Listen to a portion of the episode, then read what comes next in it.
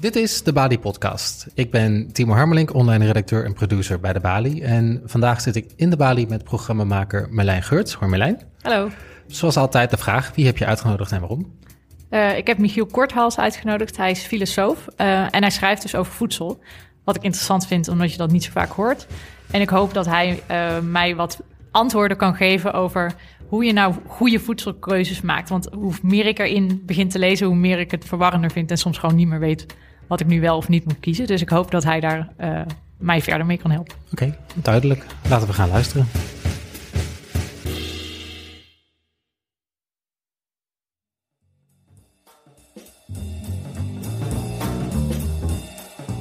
Uh, welkom Michiel, Michiel Korthals. Um, we gaan praten over hoe filosofie ons kan helpen om voedselkeuzes te maken. En hoe goed te eten, dat wat ook de titel is van jouw boek. Uh, maar voordat we dat gaan doen, wil ik eerst de vraag stellen die we eigenlijk aan al onze podcastgasten voorleggen. En dat is: is er afgelopen week iets in nieuws geweest, in de krant of op de televisie, uh, waar je druk om heeft gemaakt of over verwonderd hebt? Ja, um, ik heb uh, vorige week op zondagavond een tegenlichtuitzending gezien. En die ging over voedinnovatie, voedselinnovatie. Mm -hmm. um, en dat wat je, wat je vooral te zien kreeg was hoe je met drones um, de grond kon bewerken en ook planten kon beoordelen of, ze, of het goed ging, of ze water nodig hadden. Ook uh, hoe je kon oogsten met drones. Uh, op zichzelf heel interessant. En, uh, Wist je dat al, dat dat kon met drones? Ja, absoluut. Ja. ja, want het is bekend dat met name biologische boeren in Flevoland veel uh, high-tech gebruiken. Ja. En met name ook drones. En het voor, een van de voordelen is inderdaad dat je dus geen zware machines meer gebruikt. Dus die tractoren, die tractors, die trekkers, die uh, gebruik je niet. Want die maken de bodem kapot. Die verdichten de bodem en zorgen dus voor dat het de zuurstofgangetjes die uh, organismen nodig hebben in de bodem, dat die verdwijnen. Dus het heeft een, uh, een groot voordeel dat je nu in de lucht gaat. Alleen ja, waar ik me toch een beetje over ergerde was dus eigenlijk dat het, het ging dus allemaal over die hardware, mm -hmm. die apparaten. Uh, en er werd ook gezegd, je kunt hele kleine droontjes hebben voor uh, grote, heel veel grote hectares. Dus dan heb je iets van 80 drones nodig. Je kunt heel specifiek dus oogsten ook. Maar wat mij ergerde was eigenlijk dat de verdere context, de impact van die dingen niet behandeld werd. Want een van de dingen die uh, toch wel een grote rol speelt, is dat die drones, die hebben energie nodig. Die hebben elektriciteit nodig. En de elektriciteit die je nodig hebt om zo'n drone in de lucht te houden, is behoorlijk. Dat zijn geen zuinige apparaten. Dus het is niet echt een, een groene technologie in de zin van dat je daarmee bezuinigt op energie. En werd het wel als groen gepresenteerd in die aflevering? Het werd zeker als groen gepresenteerd, omdat het dus zo goed was voor de bodem. Maar nu zie je dus hoe ingewikkeld landbouw is, alleen al aan dit kleine voorbeeldje. Er zijn heel veel verschillende kanten. Landbouw is heel complex, er speelt van alles een rol. Um, ook bijvoorbeeld inderdaad de energiebehoeften die, die die apparaatjes nodig hebben. En er is nog een andere kant. Um, dat is eigenlijk, dat werd ook steeds in het programma gezegd. Door die drones hebben we geen arbeid meer nodig. Zijn er minder mensen op het land nodig. Ik moet eerlijk zeggen dat ik daar een beetje over zit te. Ja, ik vind dat toch een beetje een raar idee. Want het is eigenlijk inderdaad zo dat in onze huidige samenleving alles wat materiaal gebruikt en energie gebruikt, wordt weinig belast. Alles wat menselijke arbeid gebruikt, direct inzet, ingezet wordt door menselijke arbeid, dat wordt zwaar belast. En eigenlijk is dat een van de grote problemen waar we mee zitten. Um, want dat betekent dus dat, nou, zoals ik zei, materialen worden niet zwaar belast. Dat betekent dus dat we steeds meer uitputten, de bodem uitputten met, door materiaalgebruik en energiegebruik. Er is nog een andere kant. Dat heeft eigenlijk mee te maken met ook zo'n kloofje, wat er is, of kloof. Dat is tussen hoog opgeleid en laag opgeleid. Heel veel mensen willen helemaal niet alsmaar denkwerk doen en achter schermen zitten. Die willen werken met hun handen. Die willen buiten werken. En als je dus alsmaar meer mensen van het land afjaagt, in Nederland of in de rest van de wereld, dan heb je ook een probleem. Dus ik wil nou niet per se zeggen dat iedereen rugbrekend werk moet doen op het land. Dat is weer niet, dat is de andere kant. Maar het is wel zo dat het gewoon goed is om af en toe ook je lichaam te gebruiken, je zintuigen te gebruiken, je handen te gebruiken. En als ik naar mezelf kijk, ja, ik ben natuurlijk een typische uh, denkwerker. Ik schrijf boeken, ik zit te lezen, ik praat met heel veel mensen. Maar ik doe dat vaak niet langer dan een uur. En daarna ga ik of op, het akker, op de akkers werken, waar ik dus, uh, die ik beheer. Mm-hmm. Of ik ga naar mijn moestuin. Dus ik, ik, ik, wissel ook zelf heel veel af. Ik heb enorme behoefte om af en toe even mijn lichaam te gebruiken. we hebben dus eigenlijk in Nederland hebben we uh, lijkt het alsof niemand meer handenarbeid wil doen. Terwijl als je goed gaat kijken en ook weer opnieuw wat goede onderzoeken, uh, onderzoekingen en enquêtes bekijkt, dan zul je zien dat heel veel mensen zeggen: ja, maar ik wil eigenlijk gewoon mijn handen gebruiken en mijn zintuigen gebruiken. Dus het is eigenlijk ook een element van vervreemding zit er weer in.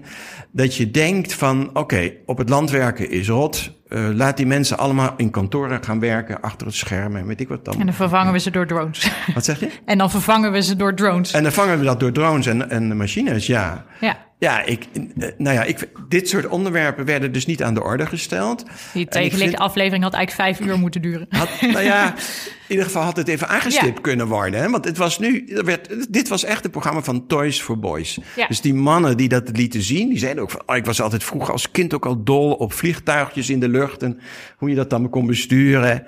Maar ja, nou ja, ik vond dat dus behoorlijk eenzijdig. Zelfs in een half uur had je volgens mij wel iets zo'n uh, die andere kant kunnen laten zien. Ja. ja. Dat is een, misschien een mooi voorbeeld uh, over hoe je van uh, drones komt naar handenarbeid en hoe groot het onderwerp is waar jij je mee bezighoudt. Ja. Um, wat ik interessant vond is dat ik las dat je lang gedoseerd hebt aan de Wageningen Universiteit. En toen ik aan Wageningen dacht, toen denk ik ook snel aan Logische Fresco, aan, aan, aan haar pleidooi ook voor uh, technologie en mondiale landbouw om de hele wereld te voeden.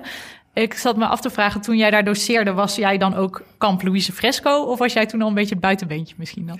Ik ben uh, ongeveer 30 jaar geleden begonnen in Wageningen. Ik had natuurlijk daarvoor ook al wat aan, veel aan filosofie gedaan, et cetera. En ook aan milieu en landbouw. Uh, maar ik ben begonnen inderdaad, zou je kunnen zeggen, in een soort fresco-houding. Ja. Van oké, okay, Nederland moet de landbouw, moet de wereld voeden, de Nederlandse landbouw. En uh, dat dat met, uh, met gif moet, met pesticiden, met gewasbeschermingsmiddelen is dan de neutrale term. Oké, okay, hè? Maar toen ben ik me steeds meer in de literatuur gaan verdiepen. Heel veel literatuur heb ik bekeken. Ik heb met heel veel mensen gesproken. Ik heb met heel veel boeren gesproken. En in toenemende mate kwam ik er dus achter dat het hele verhaal niet klopte. Nederland voedt de wereld niet. Als je gaat kijken hoeveel productie Nederland voedt, eh, produceert, hoeveel, voedings, hoeveel voedingsmiddelen Nederland produceert, is het 0,3% van de wereldproductie. He, dus wij produceren echt niet iets voor hongerigen in Afrika. Zo zit dat niet in elkaar. en het volgende is, als je gaat kijken naar de, uh, de kunstmest en de gewasbeschermings of de pesticiden die we gebruiken. Inderdaad, de oogsten zijn wat groter geworden. Maar dat heeft in veel gevallen te maken met het feit dat elders enorme uitstoot van uh, klimaatgassen is uh, ontstaan, omdat dus dat kunstmest heel veel energie vraagt. De Nederlandse kunstmestproductie is ongeveer 5 tot 10 procent van de Nederlandse gas wat gebruikt wordt. Hè? Dus dat is heel veel. Ja. En natuurlijk, het is inderdaad ook wel zo dat de, een, een plant groeit op basis van kunstmest. De wortels nemen kunstmest op. Maar de bodem gaat eraan. Die gaat kapot. Dus de organismen in de bodem, die gaan kapot. Dus inderdaad, dat boeren zeggen, het, het werkt zo goed. Dat is op korte termijn wel het geval. Maar op lange termijn gaat je bodem eraan. En ook kunstmest heeft bodem nodig hè, om te blijven. Alleen is het ook alleen maar om water vast te houden. Ja. Dus ik kwam daar steeds meer achter dat die twee verhalen gewoon niet klopten. En uh, ja, toen kwam ik dus inderdaad in een, ander, in een andere hoek terecht. Ja, ik hoop niet in, in kamp, vind ik een beetje vervelend. Maar het is wel zo dat de, het Fresco-kamp had in Wageningen het geld. Ja. En dus ik, ik heb heel erg hard moeten knokken om wat geld te krijgen. En ik heb goede uh, uh, uh, dissertatiestudenten gehad, PhD's, IO's. Maar het was allemaal met, met of geld van MBO of van de EU, niet van Wageningen. Dus het, was, het was een moeilijke tijd, dat geef ik onmiddellijk toe. Het is wel zo dat er in Wageningen nu enorm veel aan het veranderen is. Ja.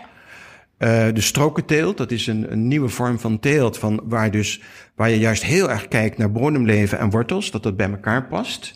Dat zijn dus eigenlijk toch een soort stroken aan de zijkant um, waar meer bloeit, waardoor er meer diversiteit in het landschap klopt? Ja, wat je nu is vertelt dat, is, dat is leuk. Ja. Maar dat is eigenlijk een randverschijnsel. Okay. Nee, strokenteelt is echt dat je op, het, op de akker zelf, op de hectare zelf, drie meter aardappelen laat groeien in de lengte. Dus dan heb je 1000 Ja. meter in de lengte, of 10.000 meter. Eh, daarna drie meter hazelnoot. Daarna drie meter wortel. Daarna drie meter ui. En de hele bedoeling van strokenteelt zijn eigenlijk twee dingen. Dat je in de bodem, een bodemleven heel erg divers houdt. Maar dat je ook, laten we zeggen, in de lucht de plaaginsecten, de schimmels, zoveel mogelijk tegenwerkt. Wat, wat je namelijk ook nog kan doen, is dat je een strook van drie meter hebt die aan, aantrek- aantrekkelijk is voor alle plaaginsecten. Dus die gaan allemaal naar die strook van drie meter, maar niet naar de aardappelen en niet naar de peen en niet naar de uien.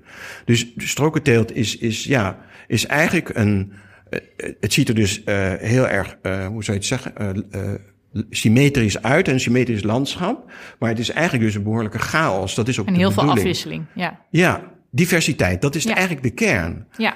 En dat is dus wat in de toenemende, eh, in, in de afgelopen tien jaar ontwikkeld is door een bepaalde groep in Wageningen. Eh, die dus ook geen chemie meer gebruikt, geen kunstmest en geen eh, pesticiden. En dat is echt een ongelooflijk interessant gegeven. Wat nog veel, nog veel interessanter wordt, want daar zijn ze ook mee bezig, is echt alles door elkaar zetten. En dat kan met name met groente en fruit kan dat goed. Met granen is dat Dus erg dan bedoel lastig. je echt één plantje met wortelen en daarnaast één plantje met boek. Weer een heel ander plant. Ja. Dus een prei naast een kool. Naast een, eh allerlei soorten kolen heb je natuurlijk. Lijkt me wel ingewikkeld te oogsten. Precies, dat is het punt. Ja. En eh, dat wordt nu dus nog met de hand gedaan.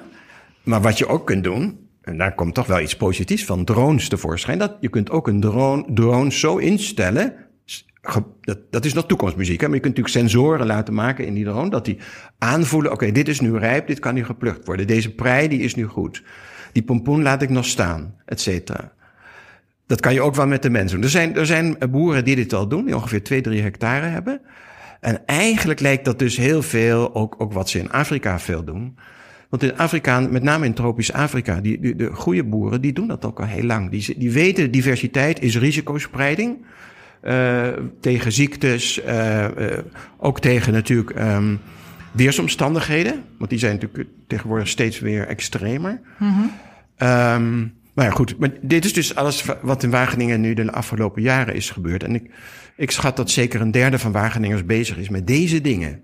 ja, dus er is al heel veel verschoven eigenlijk. Ja, Ehm, ik wil graag naar een, een begrip wat centraal staat in jouw boek, goed eten.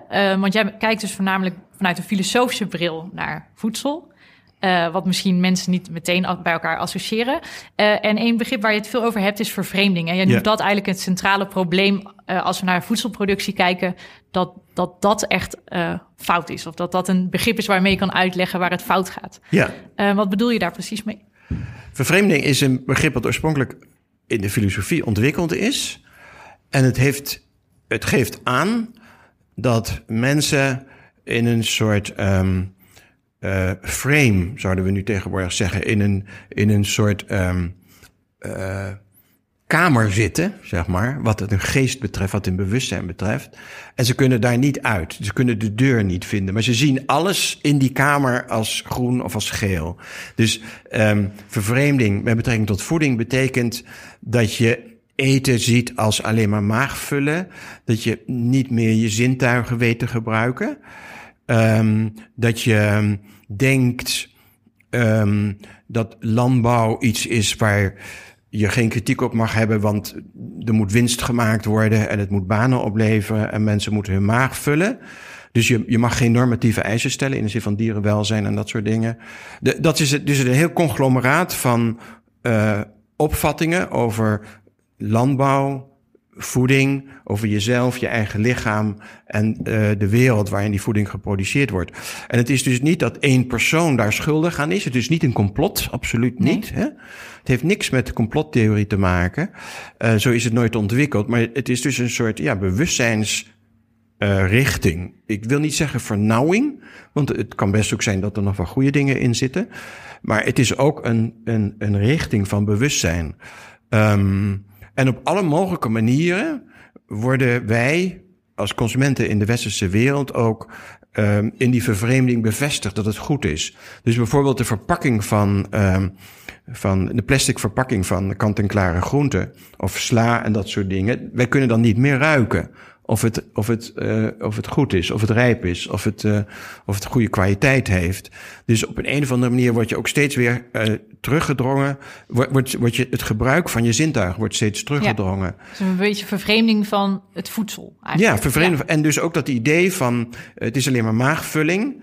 Um, en natuurlijk, uh, bijvoorbeeld Albert Heijn had twintig uh, jaar geleden als propaganda... we willen niet drie eetmomenten, maar acht eetmomenten of nog wel meer. Dus grazen, dat betekent ook vervreemding. En de vervreemding nu van de sociale kant. Want dan eet je niet meer samen. En je hebt geen maaltijden meer, maar je loopt naar de koelkast... en je stopt iets in de magneton en je loopt al etens, loop je weer door.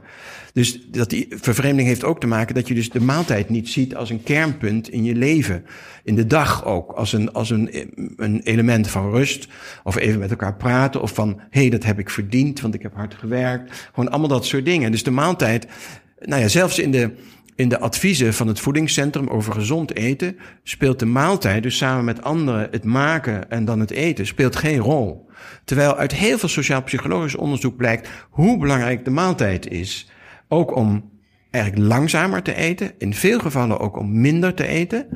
En om, want je, je, als je langzamer eet, wordt het eten, hè, dat is fysiologisch bepaald, sneller, minder snel opgenomen in je bloedbaan. Dus de verzadiging treedt ook eerder op. Ja. Als het eten snel opgenomen wordt in je bloedbaan, heb je niet, niet zoveel verzadiging en ga je meer eten. He, dus er zijn heel veel kanten waardoor het maakt, door die, door die vervreemding, dat je dus inderdaad fastfood gaat eten en, en dat soort dingen. En, maar het heeft ook te maken met, het, met dat als, laten we zeggen, policymakers, dus beleidsmakers, als die dus zich bezighouden met voeding, dat die dus gewoon heel veel dingen niet zien. Bijvoorbeeld de rol van de maaltijd, hoe belangrijk dat is. De, het rol van groen in je leven. Hè? Van dat er een boom in je, in, je, in je, of een plant in je tuin staat of in je kamer staat. Nu, in toenemende mate eh, is men zich daar wel van bewust. Ziekenhuizen bijvoorbeeld plaatsen nu planten in kamers en merken dat de patiënten één à twee dagen minder in het ziekenhuis blijven. Dus een, het groen in je leven bepaalt heel veel hoe je jezelf voelt. En dat is ook iets, hè, dus er zijn nog steeds plannen voor steden, bijvoorbeeld om zonder, zonder bomen en zo en zonder groen te uh, ontwikkelen. Nou goed, dat zijn allemaal van die dingen die er allemaal mee te maken hebben. Dat men denkt van ja, die natuur dat speelt geen rol voor mensen. Maar het is toch omgekeerd. En ja, het blijkt steeds weer hoe belangrijk natuur is voor je eigen gemoedsrust, voor je eigen gevoel van ik doe ertoe. Um, maar het werken in een moestuin of in een akker heeft, geeft je ook het idee van we zijn kwetsbaar. Want dat, ja. je merkt ook natuurlijk dat het niet zo makkelijk is om een plantje goed te laten groeien en om daar een, een lekkere bos radijzen uit te krijgen.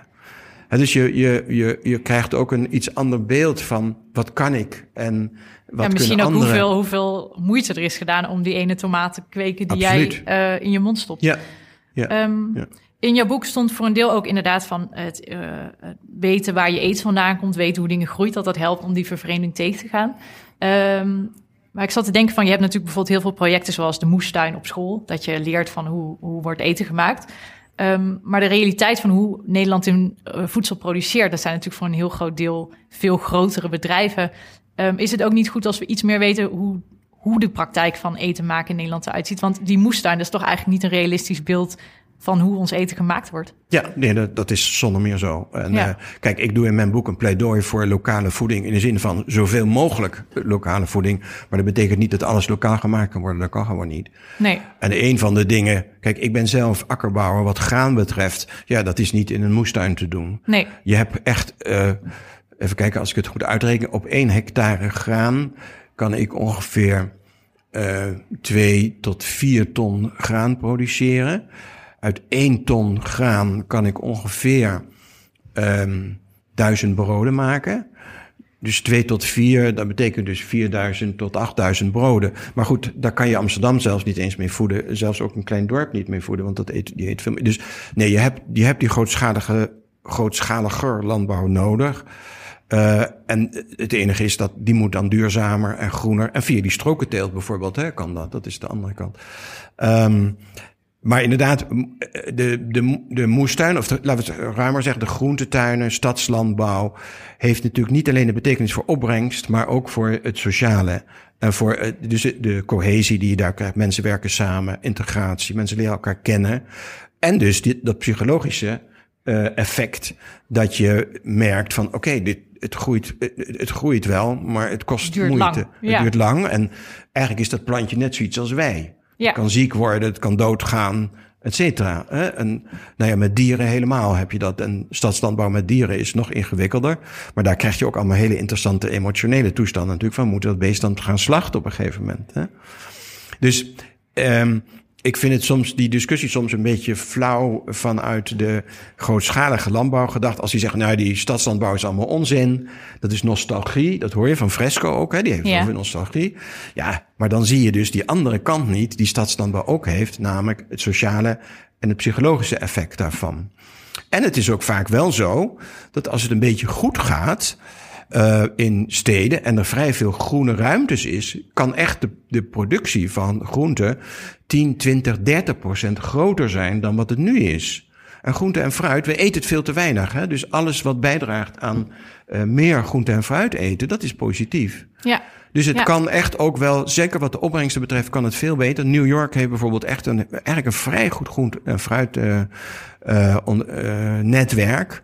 En in Amsterdam zou dat ook kunnen. Het gebeurt al een beetje, maar het zou nog veel beter kunnen. Ja, um, jij zegt van uh, ergens las ik dat je zei van ja, het is fijn, want ik ben filosoof, dus ik kan in die zin een beetje van een afstandje naar die discussie kijken of naar het grote plaatje kijken en op die manier een, een bijdrage leveren. Uh, maar mij valt op dat uh, als je over voedsel, voedsel hebt of over uh, landbouw, dat het ook een heel emotioneel onderwerp is waar mensen ook enorme meningen over hebben. Ja. Um, neem jij niet ook een, toch wel een bepaalde positie? En heb je niet dat je soms mensen tegen je in de borst jaagt misschien? Om... Ja, ja, nee, absoluut. Ja, ja. kijk, uh, er zijn natuurlijk mensen die zeggen van ja, wat Korthals daar zegt over dat voeding betekenis voor je heeft. En dat je je zintuigen moet gebruiken. Die, dus de voedselvaardigheden, hè, dat begrip voedselvaardigheden, ja. de ontwikkeling in het boek. Die zeggen ja, dat is allemaal onzin. Laten mensen gewoon hun maag vullen en dat moet goed zijn. Uh, en zo moet het goed zijn. Ja, dat, dat soort discussies heb ik wel. En dan um, ook in Nederland. En ik, heb, ik hou mij ook vrij veel bezig met Afrika, want ik ben uh, vrij vaak in Afrika geweest. Ik heb daar ook met veel boeren gesproken en zo. Uh, dus ik heb ook wel wat stukjes geschreven over Afrika en het belang van groentetuinen in uh, Afrika. Um, wat daar nog echt nog veel, veel op dit moment al een veel grotere betekenis heeft dan hier. Hè? Ja. Groentetuinen en fruittuinen. Ja, ik denk dat het 60, 70 procent van de Afrikaanse bevolking, als ik het heb over tropisch Afrika, dus zuidelijk van de Sahara, um, die, uh, ja, die, die, die, die hebben voeding daarvan. Um, maar ik heb daar dus wel reacties op. En die zeggen, ja, de grootschalige landbouw heb je... Dat zegt dus Fresco ook. Grootschalige landbouw heb je nodig. Irrigatie heb je nodig. Nou, die twee dingen zijn desastreus. Irrigatie uh, wordt vaak... Uh, dan denk je aan Nederlandse kanalen en uh, wateropvang. Ja, als de temperatuur 40 graden is of hoger... is het water zo weg uit die kanalen. Dus je moet op een hele andere manier denken over water... En dat heb ik ook van die Afrikaanse boeren geleerd. Van, uh, kijk, en ja, dus in die, in die emotionele discussie probeer ik dus wel dit soort praktische ervaringen naar voren te brengen. Want bijvoorbeeld, wat zeggen die Afrikaanse boeren? Die zeggen, je moet helemaal niet denken aan sloten of zo, of kanalen. Je moet denken aan bomen. Die vangen water op. En die geven water af. Dus de, een boom is een gestolde rivier. En met dit soort verhalen kan ik soms eigenlijk veel verder komen in discussies met mensen dan wanneer je alleen maar zegt, ja, daar klopt niks van en, en dat soort dingen. Maar ik moet wel zeggen, het is lastig. Ja, want als ik een beetje, ik zat daar zelf over na te denken, denk ik, ja, als je dan uh, het over voedsel en landbouw hebt, dan heb je in mijn hoofd aan de ene kant bijna de boeren die zeggen van, nou ja, we moeten al de hele tijd zoveel. En aan de ja. andere kant heb je misschien de, de randstedelingen die vegan worden en zeggen, we moeten allemaal geen vlees meer eten. Wat zou een manier kunnen brengen om die groepen dichter bij elkaar te brengen? Of meer met, op een goede manier met elkaar in gesprek te laten gaan? Nou, een van de meest centrale dingen vind ik wel dat er zeker 10 à 20 procent van de boeren, die zijn al duurzaam, divers, respect voor de bodem bezig. En laten die dan nog meer zien wat, hun, wat ze doen. Ja. Wat hun, niet alleen de opbrengsten, de materiële opbrengsten zijn, de oogsten zijn, maar ook de sociale kanten, hoe goed dat werkt. Ook voor de lange termijn, dat die bodem goed blijft. En uh, ook het leven op de bodem, dus de vogelstand, insectenstand en weet ik het allemaal niet meer. Laten die dat vooral zien aan die boeren die zeggen: ja, maar ik wil uit mijn koe nog meer halen. Ik wil nog meer uh, kunstmest op het land hebben, want dan is de opbrengst nog hoger. Dat soort gesprekken, daar, daar geloof ik eigenlijk het meeste in. En kijk, ik ben inderdaad filosoof, maar ik ben dus ook akkerbouwer. Zij het een kleine, ik heb maar 11 hectare of zo. Uh, maar ik, ik kan dus daar wel natuurlijk over praten. En ik Ja. weet daar wel iets van. En uh, En dat helpt om misschien... dat helpt absoluut. Ja. Ja. Dus eigenlijk is jou misschien je advies aan de, eh, aan de randstelingen... dat ze zich ook meer in die akkerbouw moeten verdiepen. Laten ze dat in goed godsnaam doen. Laten Ja. ze inderdaad die tuinen gaan doen. Dan heb je echt veel meer... En akkerbouw, laten ze, dan heb, heb je echt veel meer eh, kracht van argumenten... en ook van voorbeelden en van concrete praktijken... die je kan laten zien hoe het ook kan. Dus bijvoorbeeld... Ja, het, het is dus, nou ja, zoals als die bodemverdichting, dat is natuurlijk iets wat de laatste tijd veel meer aan de orde is. Maar je weet, die, hè, je herinnert je, een jaar geleden kwamen ze dus uh, naar Den Haag, de protesterende boer, met die enorm zware apparaten. Mm-hmm. Ja, dat zijn dus de vernietigers van de bodem. En, en eigenlijk is het heel gek dat ze zich dat niet eens beseffen. Want ze weten ook, hè, als je gewoon naar hun literatuur kijkt, 10 tot 20 procent van hun oogst wordt slechter doordat die, die zware, dat ze die zware tractoren gebruiken. Dus daar is iets heel raars aan de gang. Dat is dus ook die vervreemding. Hè? Dat je dus dat niet ziet. Dat het nadeel die jouw bodem ondervindt van die zware tractoren. Of trekkers, zoals ze dat dan ook noemen. Um, dat je dat niet meeneemt. Dat is echt... Ja, als ik bij mij in de buurt kijk, en zie ik soms waanzinnig mooie weilanden, prachtige velden, prachtige akkers, nu ook in de winter, dicht dus, hè, vol, dus geen zwart. Ja. Maar als ik een eind verderop kijk, zie ik vaak hele zwarte weilanden, dus die liggen open in de winter. Dan betekent dus ook, ik zie er vaak heel veel plassen liggen, dus die bodem absorbeert het water niet meer. De bodem is eigenlijk gewoon kapot, die is gewoon kapot. En dat heeft er net allemaal mee te maken dat, dat er geen respect meer is voor die bodem.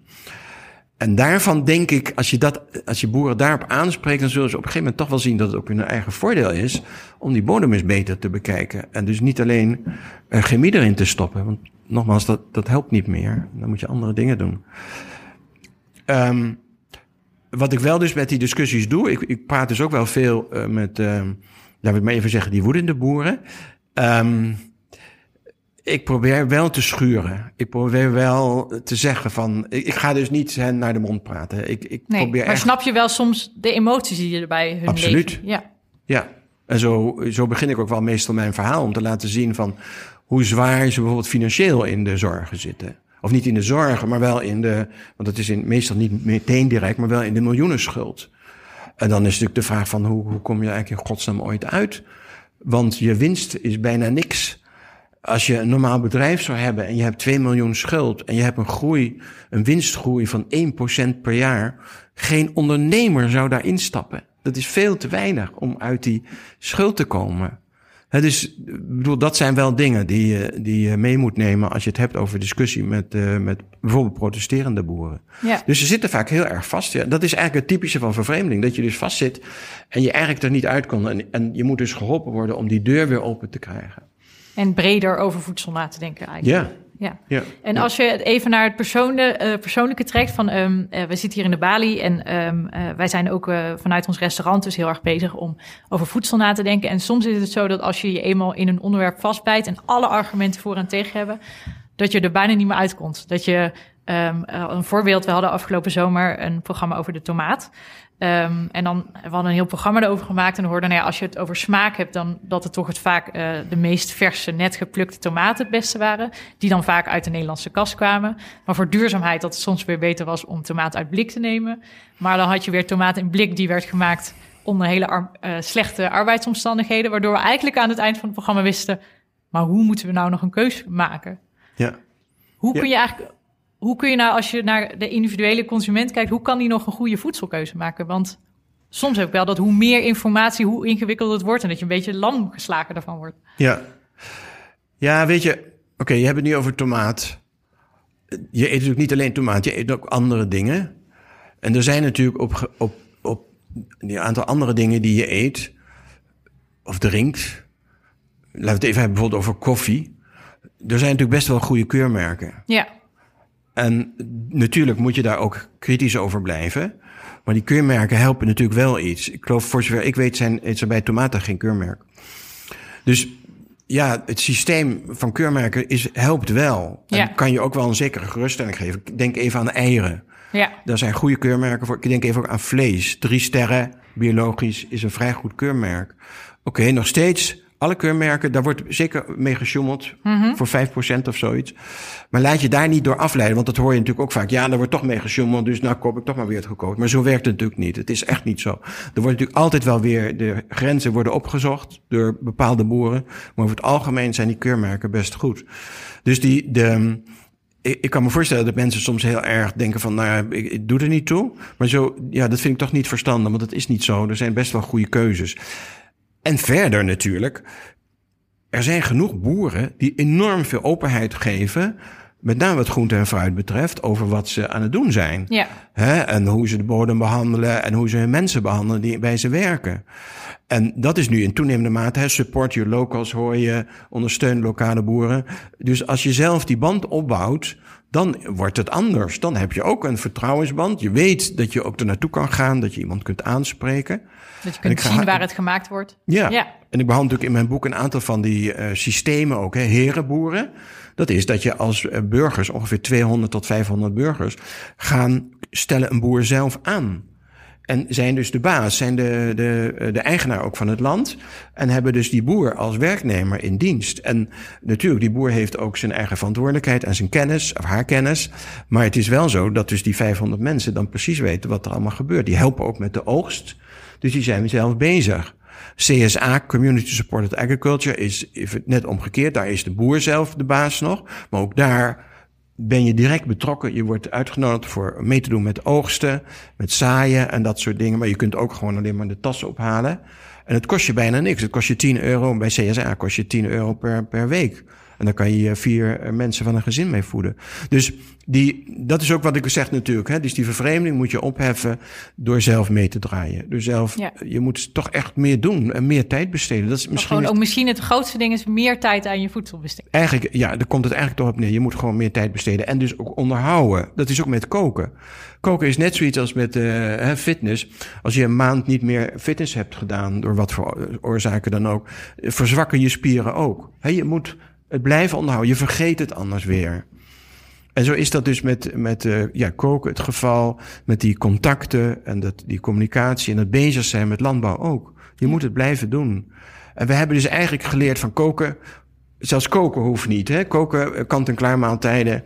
Eh, de industrie zegt, of de voedsel, het warenbedrijf zegt... oké, ehm, wij zorgen voor jullie. jullie hoeven niet meer te koken. Gaan jullie nou maar andere leuke dingen doen. Maar het mooie is natuurlijk juist dat koken en een maaltijd organiseren zo vreselijk leuk kan zijn. Hè? Ja. Dus dat is gewoon. En het genieten is natuurlijk de kern. Want dat, dat vind ik dus ook wel hoor.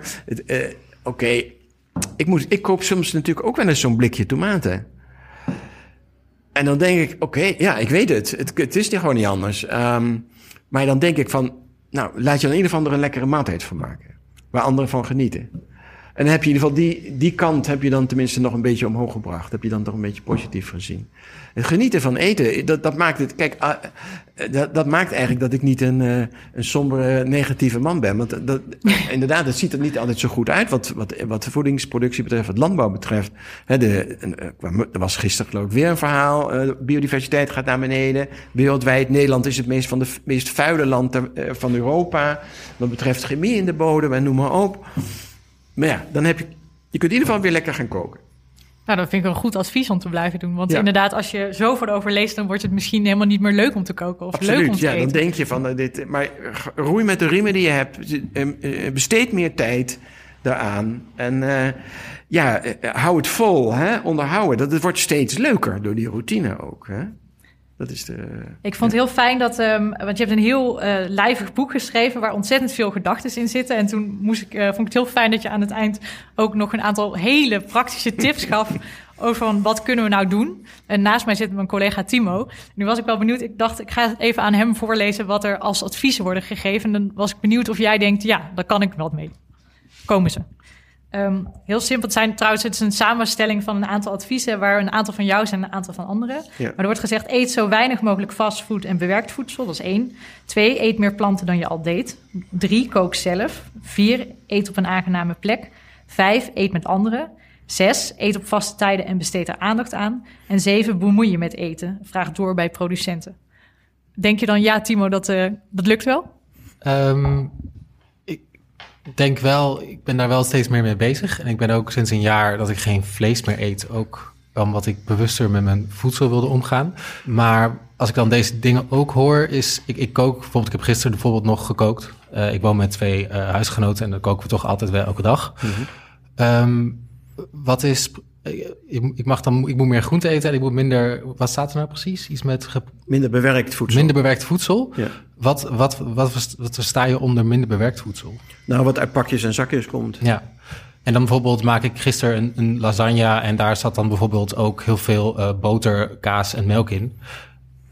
Is dat dan, dat is bijvoorbeeld niet bewerkt, maar dat kan natuurlijk ook op andere manieren. Ben ik dan ook mee bezig van, is dat dan ook schadelijk, zoveel melkproducten? Nee, nee, nee. Dat, dat, kijk, um, het is opnieuw die complexiteit. Dus je moet inderdaad goed, je, je kunt nooit in zijn algemeenheid eigenlijk uh, zeggen van doe dat niet of doe dat wel. Mm -hmm. Je moet echt goed kijken. Want kijk, dus zoiets als olijfolie uh, of andere vormen van olie, die zijn gewoon uh, over het algemeen heel erg goed. Zonnebloemolie is een beetje een probleem, hè, hoe dat gemaakt wordt. Er is een heel mooie uitzending, ik geloof van de Keuringsdienst van Waarde. Hoe zonnebloemolie, dat is niet altijd even kosher, maar goed. Um, ik zelf ben ook een groot voorstander van boter er zitten wel weer die kanten aan dat het dierlijke, het is dierlijk, een dierlijk product. Hè? Mm-hmm. En boter is dus natuurlijk een, een eindproduct van uh, melkverwerking. En dat betekent dat dus veeteelt zit daar weer achter, et cetera. Dus daar moet je wel voorzichtig mee zijn. Maar ja, ik, nogmaals, ik vind dat die andere kanten van de maaltijd, de goede maaltijd, dat vind ik zo belangrijk. Dus dat is het genieten, het samen zijn met elkaar. En natuurlijk ook de geuren, hè? dus terwijl je kookt en zo. En de, de zekere zin ook de trots die je kunt hebben. Ik hoop dat je dat ook hebt. Als je dus, als er iets lekkers gemaakt hebt. Hè? Als, als, je, als je een compliment krijgt. Nou ja, allemaal dat soort dingen. Uh, dat weegt wel een beetje op tegen het feit dat je soms gewoon een beetje toch nog steeds, ja, eigenlijk gebruik maakt van negatieve processen. Duidelijk. We gaan volgens mij gewoon heel lekker koken. En daar hebben we nu allemaal ook heel veel tijd voor. Uh, want we zitten toch allemaal thuis. Nou ja, dat is dus als dat de eindconclusie ja. is uh, van dit gesprek, ja. dan kunnen we volgens mij uh, ja. met een gerust hart eten kopen. En met onze boeren in gesprek. en vooral met z'n allen koken en eten. Klinkt goed. Dankjewel. Ja, graag gedaan. Dit was de Bali Podcast. Wil je meer weten over dit onderwerp? Op maandag 2 november vindt de eerste aflevering van onze landbouwreeks De Koplopers plaats. Wat kunnen de transities in de kringlooplandbouw ons leren over een beter landbouwsysteem? En op 8 november vindt Shaking Up the Food System plaats. Biedt de coronacrisis een manier om eindelijk het globale voedselsysteem op een andere manier in te richten? Beide programma's zijn via onze livestream te volgen of zijn de dag erna terug te kijken op de Bali TV. Klik op de link in de show notes hieronder voor meer informatie.